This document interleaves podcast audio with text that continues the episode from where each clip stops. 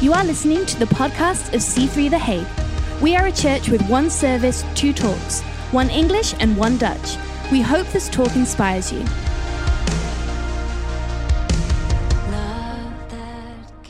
Second Kings chapter six. Uh, Second Kings chapter six. It's a um, quite a familiar uh, story, um, but it's a pretty funny story. Is actually the um, um, what king is it again? I was reading it this morning. Uh, I don't have it in the scripture, but it's the um, uh, well, it's an enemy king who is um, who is um, uh, the Amorites. The Amorites keep attacking the people of Israel, and it's such a funny story because uh, Elijah the prophet um, gets the strategy of the enemy king uh, in his um, uh, in his prayer moments, and so he keeps telling his king, the king of Israel, "Hey, this is what the Amorite king is about to do." So they would go into this little valley, uh, having this little plan. They were conniving, as you say. Uh, they were um, uh, they were trying to attack the people of uh, the the kingdom of Israel, and and again, um, time after uh, time after time, the um, the Amorite king finds out that his plan this plan has been completely destroyed, and so he, he keeps on being surprised to the point that he gets so uh, frustrated that he says, "Who is telling?" Uh, the king of Israel what I am speaking in my own bedroom. It's like somebody's bugged me. So he gets so paranoid. He, he thinks uh, uh, the Russian, uh, you know, the Russians are bugging him and all that sort of stuff. There was this whole thing about internet in those those days, security, and and so. But he feels like this this security issue um, with his private conversation is pretty. It's pretty current, actually, isn't it? How the Bible is uh, current like that.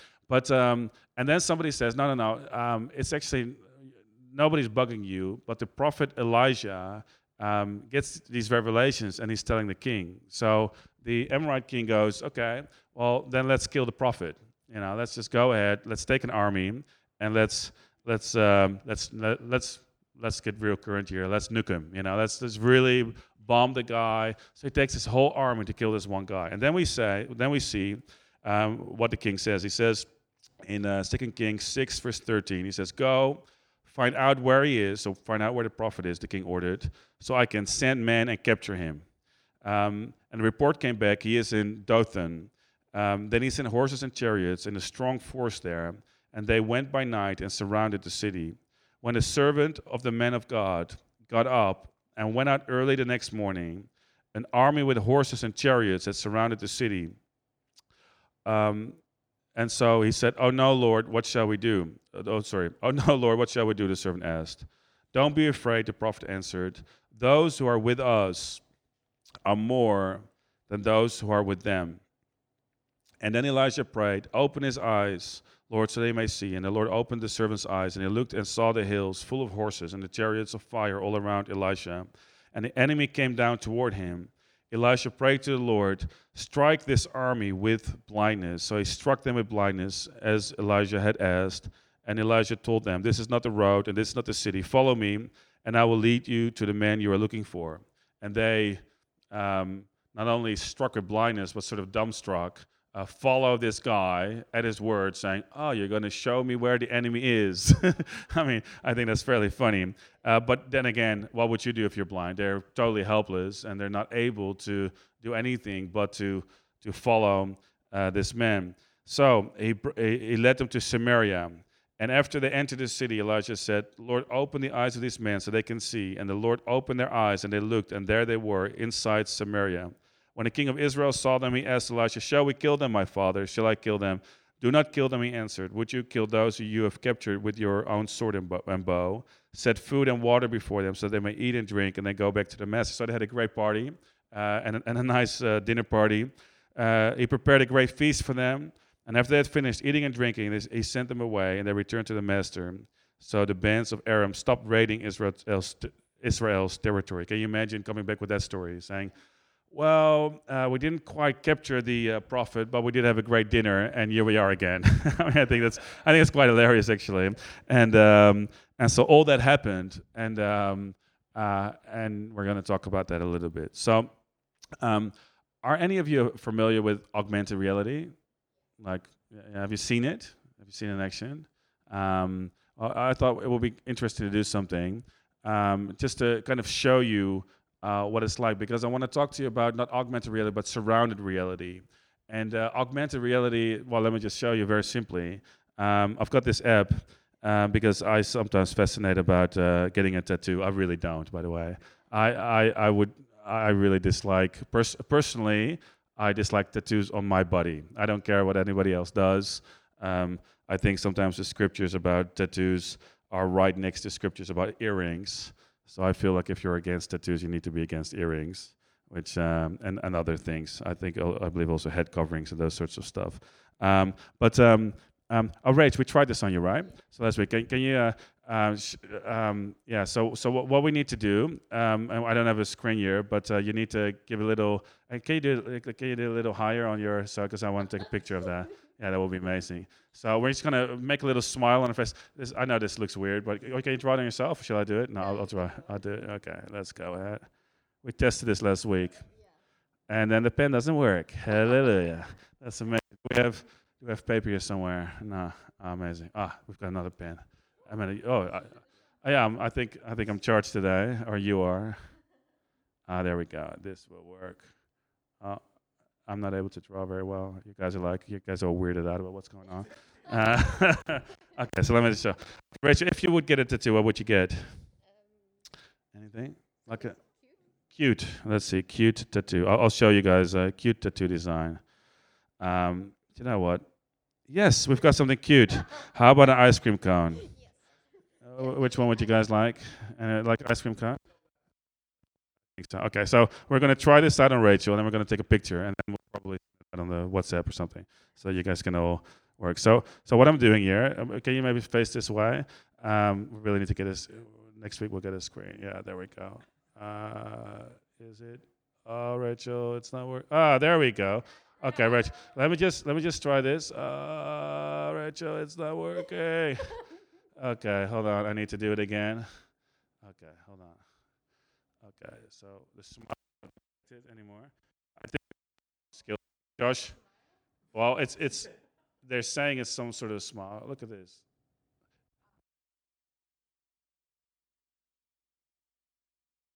I'm gonna save this. Oh no, it's saving this question.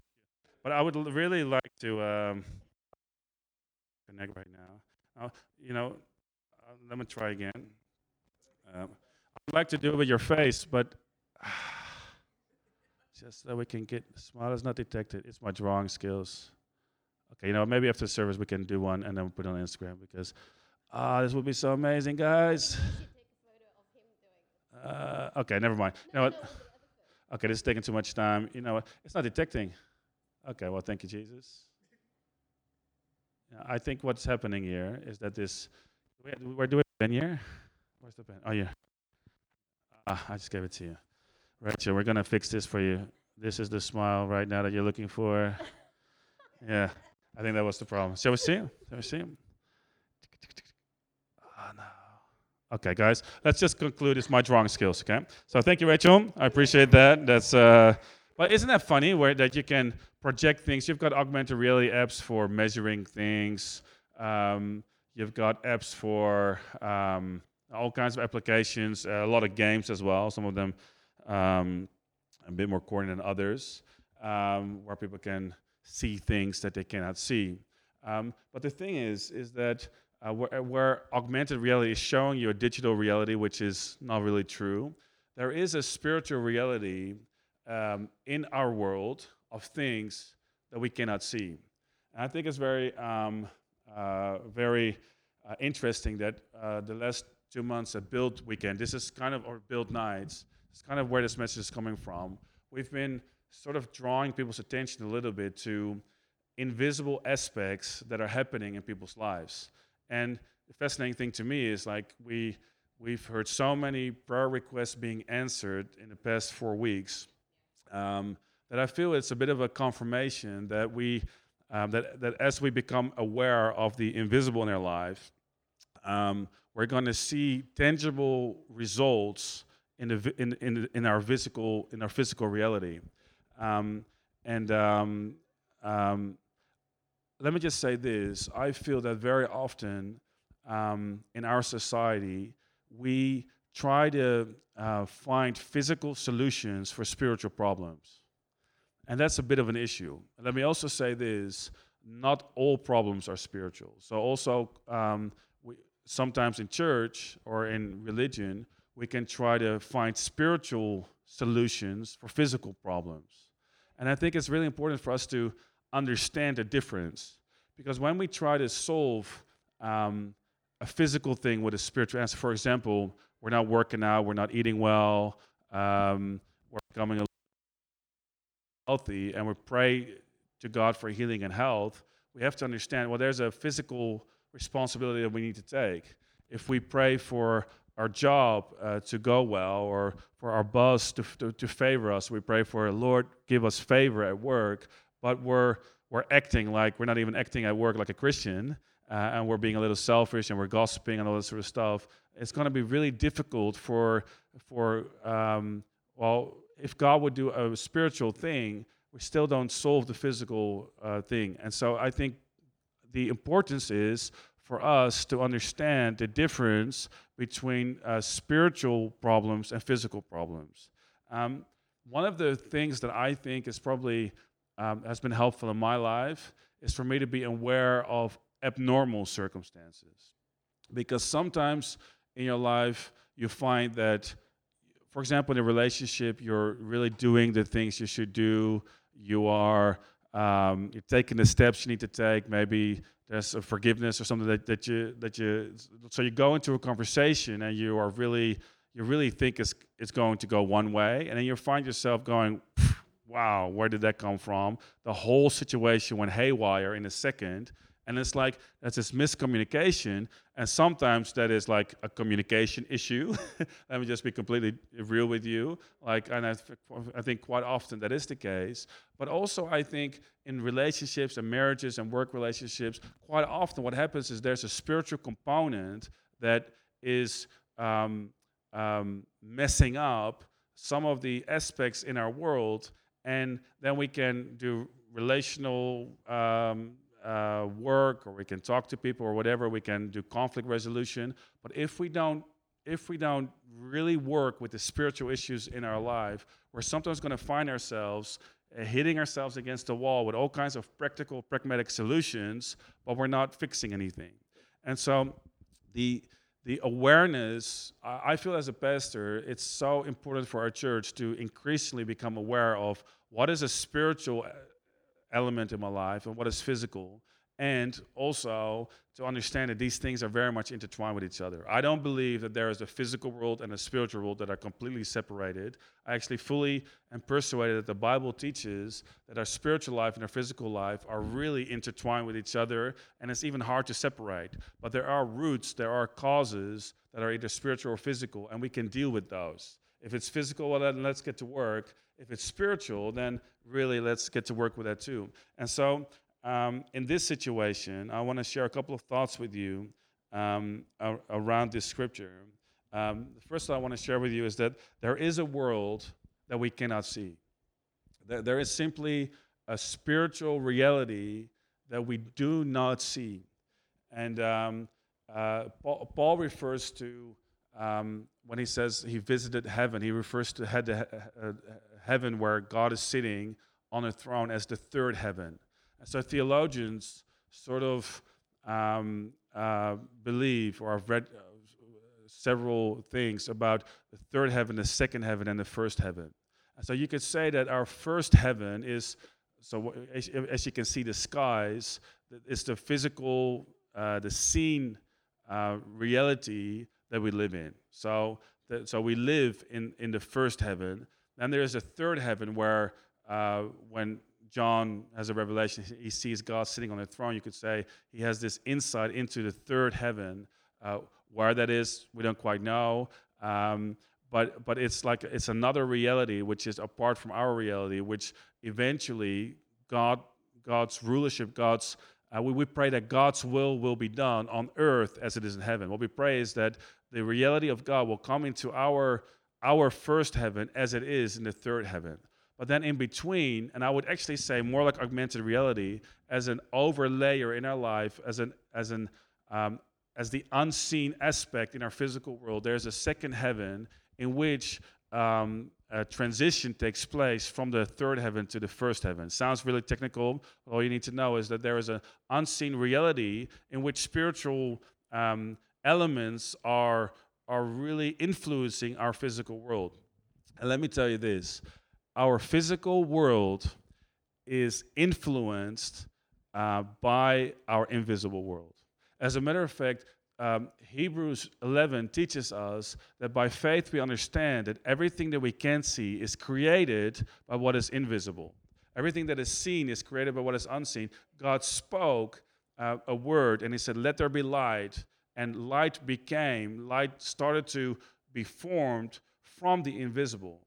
And so I think for us to understand that the um, that the tangible has been created from the intangible, that the visible has been created from the invisible is really important because it will just increase our uh, faith, I feel a little bit, in the power of miracles. Because sometimes we think if, if God were to, for, for example, you think about these miracles that you see in the Bible, like um, God splitting a sea. It's like, how can God, who is not seen, split a sea that is seen? But when you understand that He, he created this sea from the invisible. Then you, then you can also understand a little bit more that he can influence the visible from the, from the invisible. Um, also, I would say that it doesn't require a lot of faith to believe in invisible darkness. Right? When you, when you hear about some stories and some things that people are capable of in this world, um, or you watch a little bit of Netflix and especially more the darker things, you're like, ah, I, it's totally credible to me that, that there are aspects in this world that are not just conjured up in the mind. It's like the invisible is influencing the visible life. And so, without spooking you out, because I don't, I don't want us to be a church where we see demons around every corner of the streets, like, oh, you know, uh, the devil is coming in and we are under attack. Like, that's not who we are well, without speaking this out, I do feel it's really important to understand there is a visible, there's an invisible reality, an unseen reality that um, that we can be aware of. There is an invisible world. Does that make sense? Um, and and I, and I know I realize that for many Christians that is fairly basic. Okay, so there's an invisible. Yeah, God is invisible. Okay, well we got that. But when you understand that in your daily life you can pray um, and that your prayers um, have this um, this this power to materialize. Um, quite amazing. For example, um, if, uh, Ephesians 1 verse 3 says, God said, Blessed be the God and Father of our Lord Jesus Christ, who has blessed us with every spiritual blessing in the heavenly places in Christ Jesus. So when people read that, first of all, they get excited saying, Amazing. We are blessed. We already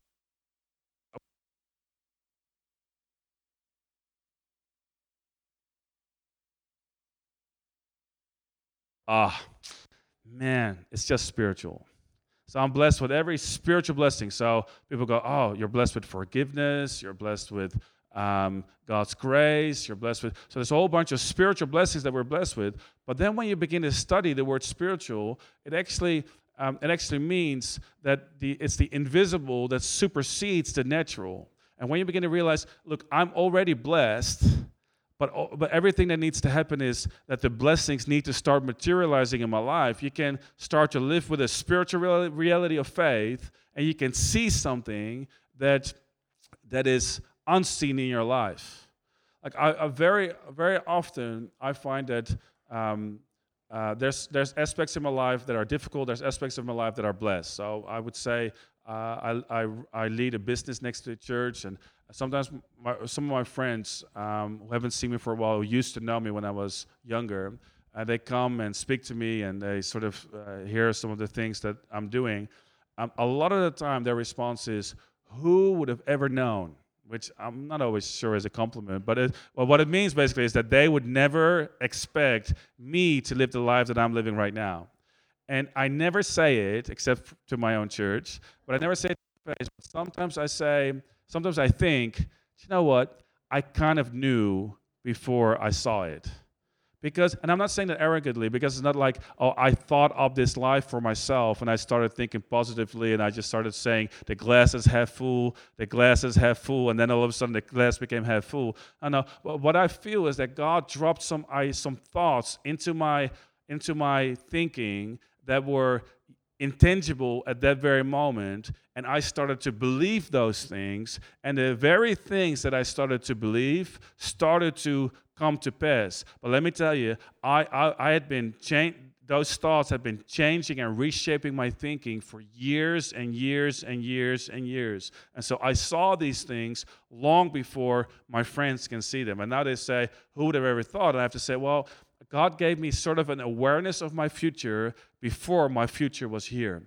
And God can do the same thing for you. This is why we've got the promises of God. God can make you aware of the invisible in your life. And the, when I know it's faith, when the things that we don't see become solid in our hearts, when it becomes like we don't really need the physical proof. And sometimes there's a little middle ground where we doubt. And, and I think it's really important to understand that doubt in itself is not really the major issue, but the underlying feeling of are we, well, like the, the, the base feeling of what we believe um, that is, I feel, where faith is. So you can, so for example, in building church, every once in a while, there's thoughts that I'm like, oh, it's not going fast enough or whatever. Or just, this morning, people came into church and people were quite, were quite late. And I'm like, where is everybody? You know, that's kind of, you can have those feelings. But then the, the core feeling is a feeling of God is with us. He has made us promises. We're good. And so there can be doubt in your life at your work or whatever, whatever you're going through in your finance and your health, but then the underlying feeling is important. And sometimes when people sometimes people mask their underlying feeling of insecurity with a confession of faith, I am healed in the name of Jesus, but they don't feel, you know what I mean? The underlying feeling is really insecure. You can see the fear in their eyes and they say, I'm healed in faith. You know, and you kind of know that they don't really there's not there's not there's not, not really a faith in it. Or you can be like yeah there's all kinds of doubt because the facts in my life are totally contradictory which is normal. But underneath i have this basic feeling of i'm good. And so there can be this doubt in your mind but you're like you know what? I'm i'm solid here. God is with us.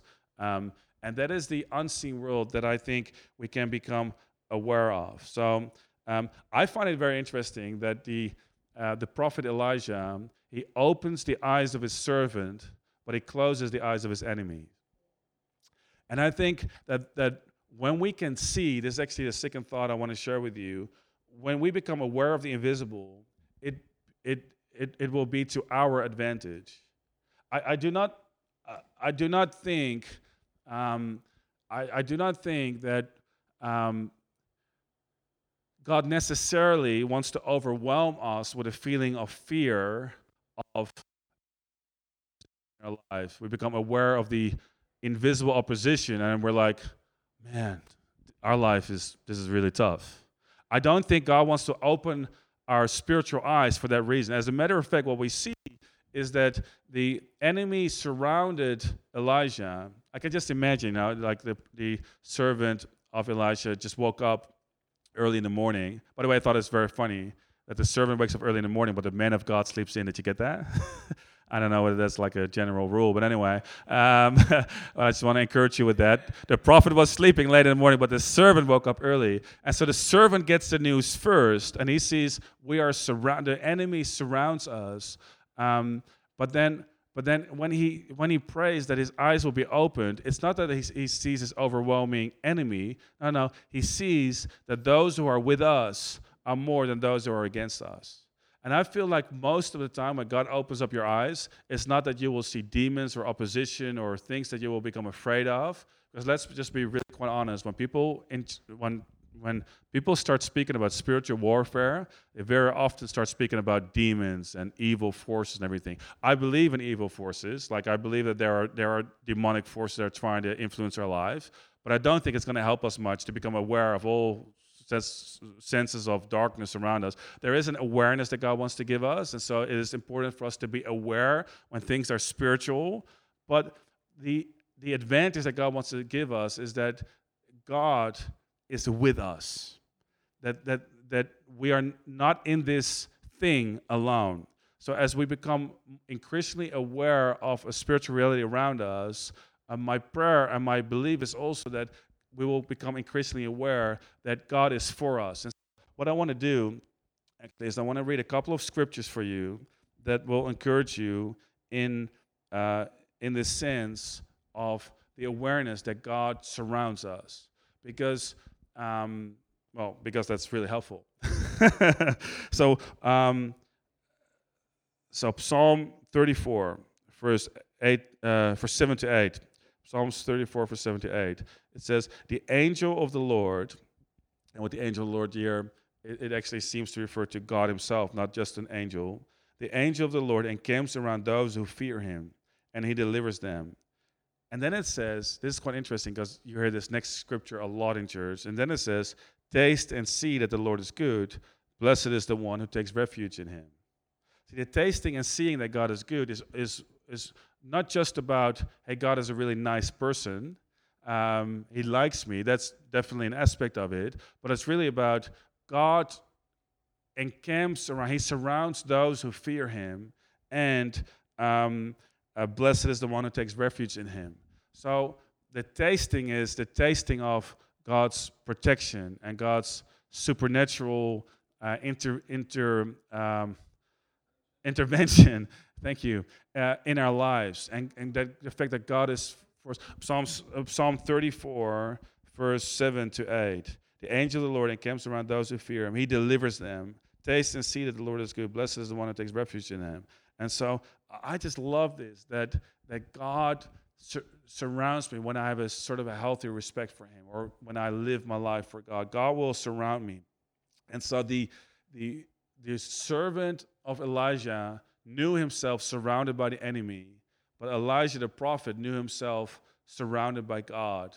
And so whatever whatever came their way, Elijah was confident, and he had this this sight into his life that that God is bigger than his enemies. And this is New Testament, people, because the Bible says, uh, I believe 1 John says, um, um, uh, that he who is in you is greater than he who is in the world. You got to understand that, that God is in us, He's around us, and that the Spirit um, that, the, that God gives us is, is way overwhelming for any spirit that is trying to attack us. And some Christians, to be really quite honest with you, have way too much faith in the devil and not enough faith in God.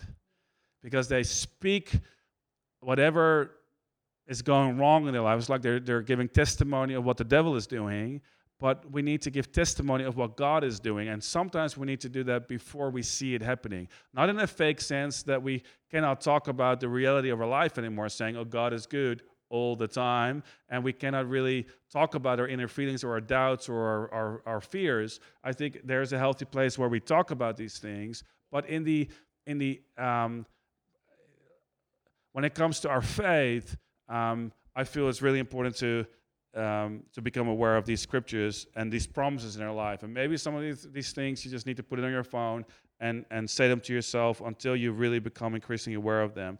Um, listen to this Psalm 32, verse 7. Psalm 32, verse 7. You are my hiding place. You will protect me from trouble and surround me with songs of deliverance. I just love that. You will, you will surround me with songs of deliverance. God is, um, is, is a protection for us.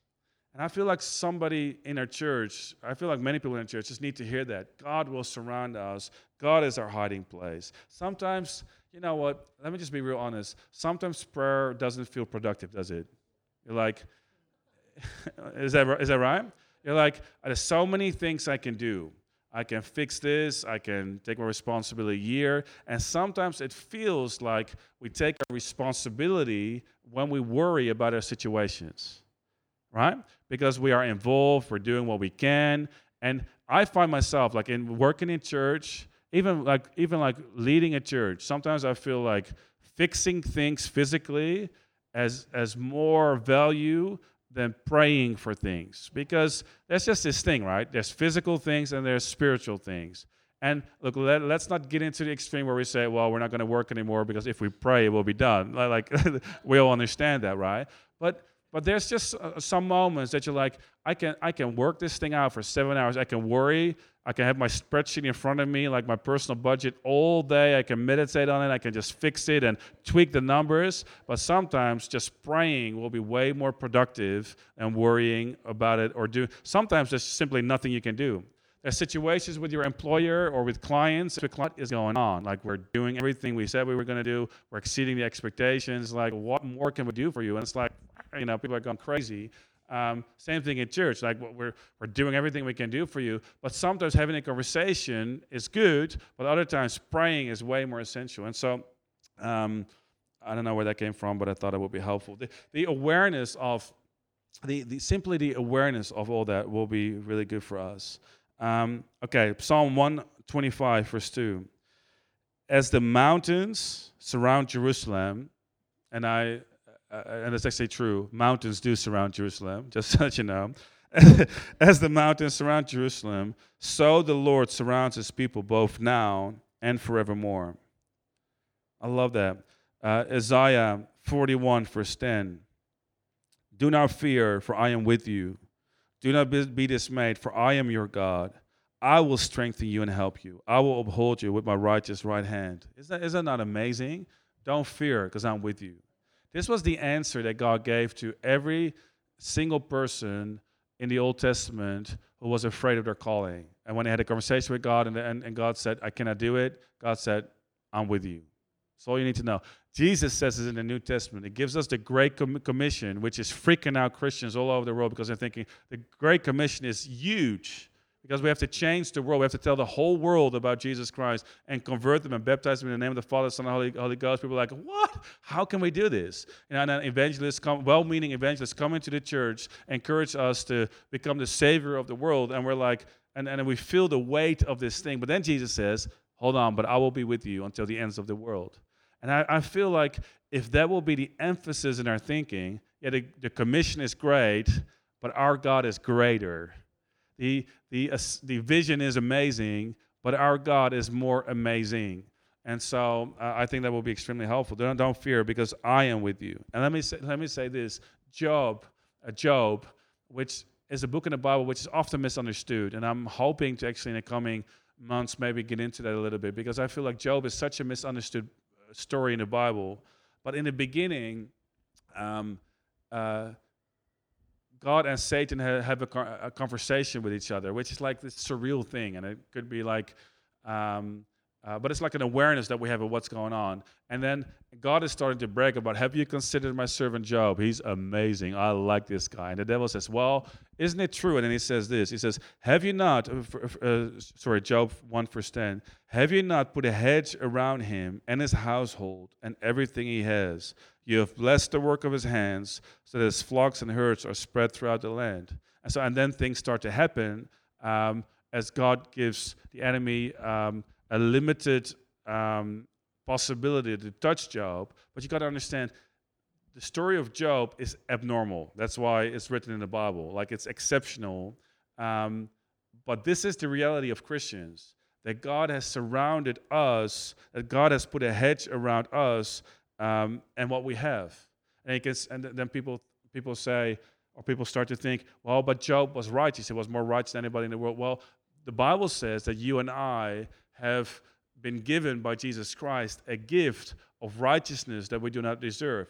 In Jesus Christ, we are made righteous. So we've got the righteousness of Job, and so God um, will surround us as a hedge, and the enemy cannot touch us without permission from God which also needs to be something that we need to understand that if God allows us to go through a certain level of trouble, that He will be faithful to bring us through or to bring us out, and He will give us the grace to carry it as we need to, to, to have it. That is complicated and that is that is a little strange, but we but we need to understand that God will never, never fail us, whatever we're going through. And so this whole feeling of uh, this whole awareness of God will surround us. I hope this will encourage us as we as we get into sort of like this December season and get into the next year that we that we understand that it's to our advantage that God makes us aware of spiritual things. So don't be freaked out, you know, about spirituality, but be encouraged that God is with you. Uh, this is what it does in the, in, the, in the life of the servant of Elijah. The servant of Elijah begins to understand, you know what? God is with me. And that is what God wants to do when He says, I want to open up your eyes to uh, your inheritance. Let me share this last thought with you, then I would love to pray. Um, when we are passive in the unseen, we, we lose ground in the seen. When we become passive in the unseen, we lose ground in the seen. See, um, Elijah was aware of the unseen reality in his world. But then he prayed and he became active, and it was taking literally he was it was keeping the ground of the Israelites. And I feel in our lives that a lot of Christians have this que sera sera mentality. Whatever will be, will be. Can you do you know that song? Um, some of you are way too young for that. Do you know that song, Amanda? Que sera, sera, whatever will be, will be. What it means, well, it's what it means. It means whatever will be, will be. And you know what? Uh, you should Google it. You're, you're, gonna have a good laugh. Uh, it's, it's, a funny thing. Um, but it's it's like the like it's very old. It's very old. My my it's too old for my parents even. But anyway. But you know what? The song says, "Whatever will be, will be." As a matter of fact, a lot of Christians say everything happens for a reason. I don't have time to go into that, but a lot of people say that. Let me tell you, not everything happens for a reason. There's a real sense of, of time and chance that happens to everyone, says the Bible. So thanks, some things just happen. But see, we have to be careful to just be guided by our circumstances. When Nicola and I planted this church, let me just tell you, in one sense, it felt like the blessing of God was on it and there was provision and everything. But in another sense, it felt like all hell was breaking loose, especially also the season beforehand. And it was like if we would listen to our circumstances, we would have never started this church. And there are some aspects um, right now that if we would listen to our circumstances, we would never do things that God is calling us for the future. And sometimes um, people, especially Christians, can, can go, well, if circumstances, if, if God closes a door, he will open up a window. Have you ever heard that? And we become very, we become sort of passive uh, in the sense that we think that God will lead us by our circumstances. Let me, that's a very physical way of looking at it. It's like God will not speak to you, He will not communicate anything in your spirit, He will not give you a vision in the unseen, but He will just lead you by the seen. I think I think in some ways that's kind of true. Um, you know, sometimes God does close a door, and I and I guess He does open up another door. I'm not sure He opens up a window for you to climb out of, but He does. He does open up. He does close some doors, and sometimes my prayer is, God, if this is not Your will, then close this door.